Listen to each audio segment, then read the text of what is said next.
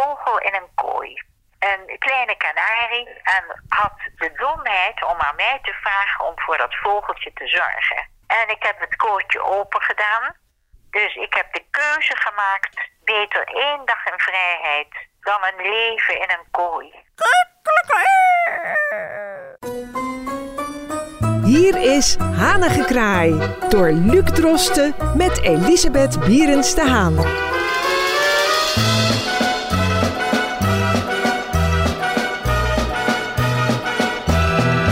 Hartelijk welkom bij Hanige Kraai, een wekelijkse podcast die uh, de ene week een uh, politieke tint heeft, dan weer een erg activistische insteek. En vandaag zijn we bijna een soort spelprogramma, want mevrouw Bierens de Haan, uh, de aflevering van vandaag heet Het Dilemma. En ik ga u straks een aantal dilemma's voorleggen, waardoor ik en ook zeker de luisteraar thuis u nog weer wat beter zal leren kennen. Heeft u in uw leven wel eens echt een dilemma gehad dat u dacht ja, wat moet ik hier nu mee? Uh, kies ik het een of kies ik het ander? Doe ik het wel of doe ik het niet? Nou, dat zou ik je zeggen. Um, dat is wel een gek verhaal. Iemand had een vogel in een kooi. Een kleine kanarie en had uh, de domheid om aan mij te vragen om voor dat vogeltje te zorgen. Want die iemand ging met vakantie. Ik zeg, dat doe ik heel graag. En die kooi wordt naar binnen gebracht kleine kooi en een klein geel vogeltje. Nou, en dat zit daar. Ik zet het in de keuken. Ik dacht, nou, daar schijnt de zon. Heeft hij tenminste wat zon. En het was een hele mooie dag de volgende dag. Een zonnige dag.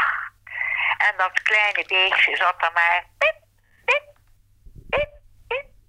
En toen dacht ik, ik ga nu iets doen. Zal ik het doen? En ik zei tegen Julian, zal ik het? Nee, dat moet je niet doen, want dat is niet jouw vogeltje. Gelukkig ging Julian boodschappen doen. Wat wilde u dan doen? En ik wilde dat vogeltje laten wegvliegen. Oh. En ik heb het kootje open gedaan. Dus ik heb de keuze gemaakt, beter één dag in vrijheid dan een leven in een kooi. Ik zette het vogeltje in de plantenbak. In de zon, het vogeltje keek naar mij nam een enorme zwaai en vloog weg en zat op een schoorsteen. Nou, en daar zat hij, te fluiten en een plezier. Je begrijpt, de eigenaar kwam terug. En toen Julian thuis kwam, zei Julian, ik heb dat gedaan. Ze zei, ja, dat is echt iets voor jou. Ik zou dat niet gedurfd hebben. Ik zei, ja, maar ik wel. Ik vind het zo zielig. De eigenaar kwam dus het vogeltje halen, was terug van vakantie zag de kooi en ik had al een speelgoedbeestje in gelegd, dus hij zag het niet helemaal gauw. Dus hij heet. Oh, hé, hey, waar is Pipi? Ik zeg, kom maar mee naar het balkon. Kom maar kijken. Daar zit je vogeltje, daar, op die schoorsteen. En die man die kijkt me aan. Ah, Oh, wat erg. Als ik s'morgens de krant lees, dan zit die met dat vogeltje bij me. Dat vind ik zo heerlijk. Oh, wat erg. De volgende keer als ik een gifslang heb, mag u op die gifslang passen. Ik zeg, nou dat doe ik toch maar liever niet. De meneer ging weg, was helemaal in shock. Ik zeg, kijk, Pipi, leg nog even, maak nog even een vlucht. En hij vloog nog naar een andere scheurs en hij bleef in het blok. Dat was ja ontzettend geestig. In de zon, in de warmte, tropische temperatuur. Ja, en straks is hij dood. Is u... Ik zeg, goed meneer. Dag meneer. Gelukkig is die meneer verhuisd, dus prettig. Ik heb hem nooit meer gezien. Maar dat was dus even een moment van... Moet ik, omdat het niet mijn vogeltje is, dat vogeltje loslaten? Of moet ik weer het gevoel hebben van die vogel zit zijn hele leven achter tralies. Wat erg. Een vogel wordt vrij en die hoort te vliegen. Ja. En toen ik de vlucht van het vogeltje zag, dacht ik... liever twee, drie dagen in vrijheid en vliegen... dan een leven in een kooi. Nou, dat is inderdaad een moment geweest van een dilemma. Een hele korte vraag, uh, nog een aanleiding hiervan. Uh, zou u inderdaad hetzelfde hebben gedaan met een giftige slang? Of had u die wel in het kooitje gehouden? Ik heb hetzelfde gedaan, maar gelukkig met assistentie van Julia met een konijn. Nee, maar dat vroeg ik niet. nee, de gifslang die komt het huis niet in. Nee, precies. Er zijn niet dol op grote gipslangen. Nee. We gaan het nu, eh, we gaan het nu dus hebben over, eh, nou ja, goed, een aantal dilemma's die ik u voor ga leggen. Waarvan ik ook hoop Ja. dat u geen spijt eh, zult hebben van de beslissing die u maakt. Het zijn steeds twee woorden waar u uit kiest. eh, van Ja. verschillende aard, over allerlei verschillende onderwerpen. En mijn vraag is gewoon, en u moet kiezen, waar gaat uw voorkeur naar uit? En kort, waarom? Bent u er klaar voor? Ik ben er klaar voor. Nou, dan begin ik eens gewoon met koffie of. Thee. En u twijfelt licht, waarom thee? Ik drink eigenlijk veelal thee, omdat het gewoon gezonder is. Dus uit gezondheidsoogmerk drink ik thee voor de gezondheid. Ja. En dan vooral kamillethee. Dat doet me heel goed.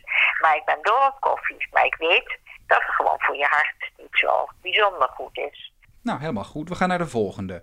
Een broek of een rok? Ook vrouwelijk elegant, luchtig, zwierig. Dat is het. Ja. Draagt u zelf dan ook meer rokken dan broeken of dat dan weer niet? Ik draag veelal broeken, gewoon uit hoofde van eh, dat is eh, in, in het huishouden en de boodschappen doen. Maar voor de esthetische overwegingen gaat de voorkeur uit naar een rok. Helemaal. Prima. Gaan we naar het volgende punt.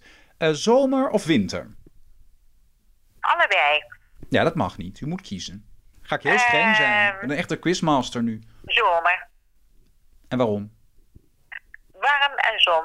Wat doet dat met u als mens, warmte en zon? De goddelijke wereld woont in de zon. Dus je voelt eh, de warme krachten op je lichaam en dat is een heerlijk gevoel. Ik vind de winter ook verrukkelijk. Maar als ik moet kiezen, dan zeg ik zomer.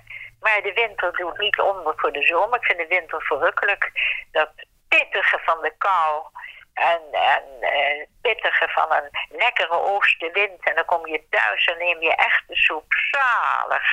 Ik vind eigenlijk alle jaargetijden, als die jaargetijden nog blijven, dan Ja. vind ik dat altijd. Ik ben altijd tevreden. Eh, ik klaag nooit over het weer. En als het stormt en regent, dan ga ik juist even mijn zuidwester opzetten. Ik doe mijn regenjas aan. En ik heb een hele goede oude regenjas. Ik geloof dat die 30 jaar oud is, maar hij is ideaal. Nou, en dan kom ik thuis en dan ben ik helemaal fris en lekker opgeknapt en zalig. En dat vind ik dan heel goed. Ga ik naar het volgende punt. Eh, lippenstift of oogpotlood? Lippenstift. En waarom? Omdat dat meer opvalt. Ik heb altijd lippenstift op. Ik begin de ochtend al meteen met lippenstift. Dat is nou juist, dat komt toen de Tweede Wereldoorlog voorbij was, was ik negen jaar. Toen zag ik Rita Garbo, Grace Kelly. Allemaal mooi met lippenstift. Mama, ik wil lippenstift, dus je bent nog veel te jong. En toen was ik wat ouder. En toen ging ik naar de drogist. Meneer, ik wil lekker een rode lippenstift. En vanaf dat moment nog steeds heb ik elke dag, al eh, heb ik niks te eten of al zou alles eh, naar de knoppen zijn. Maar mijn lippenstift is er altijd. Nou, dat is eh, een, bijna Ja. een soort houvast in het leven, een strohalm. En een heleboel mensen die zeggen, we maken ons niet meer op. En lippenstift, waarom zouden we lippenstift doen? Nee, ik ken ook mensen die dat wel doen. Maar in ieder geval in Amerika en Canada maken mensen zich met plezier op. En ik zit morgen lekker te verven en te knutselen, vind ik enig. Ik hou van schilderen. Ja. Ik hou van schilderen, van schilderijen. En ik hou om mijn gezicht te beschilderen. Nou, dat is, eh, dat is een mooie vergelijking. We gaan door met het volgende, eh, met het volgende dilemma. Heel goed. Bloemen of planten? Bloemen. Waarom? Omdat ze iets meer uitwaaieren. De plant is wat meer. eh, ik heb planten, ik heb hier veel planten. Maar ze zijn wat strakker. De bloemen leven dan korter. Maar die hebben een zeker stralend beginelement. Ja, En de plant die houdt heel lang zijn eigen structuur. En de bloemen die veranderen elke dag. eh, veranderen die bloemen. heeft u een favoriete bloem? Roos. Ja, en dan welke kleur?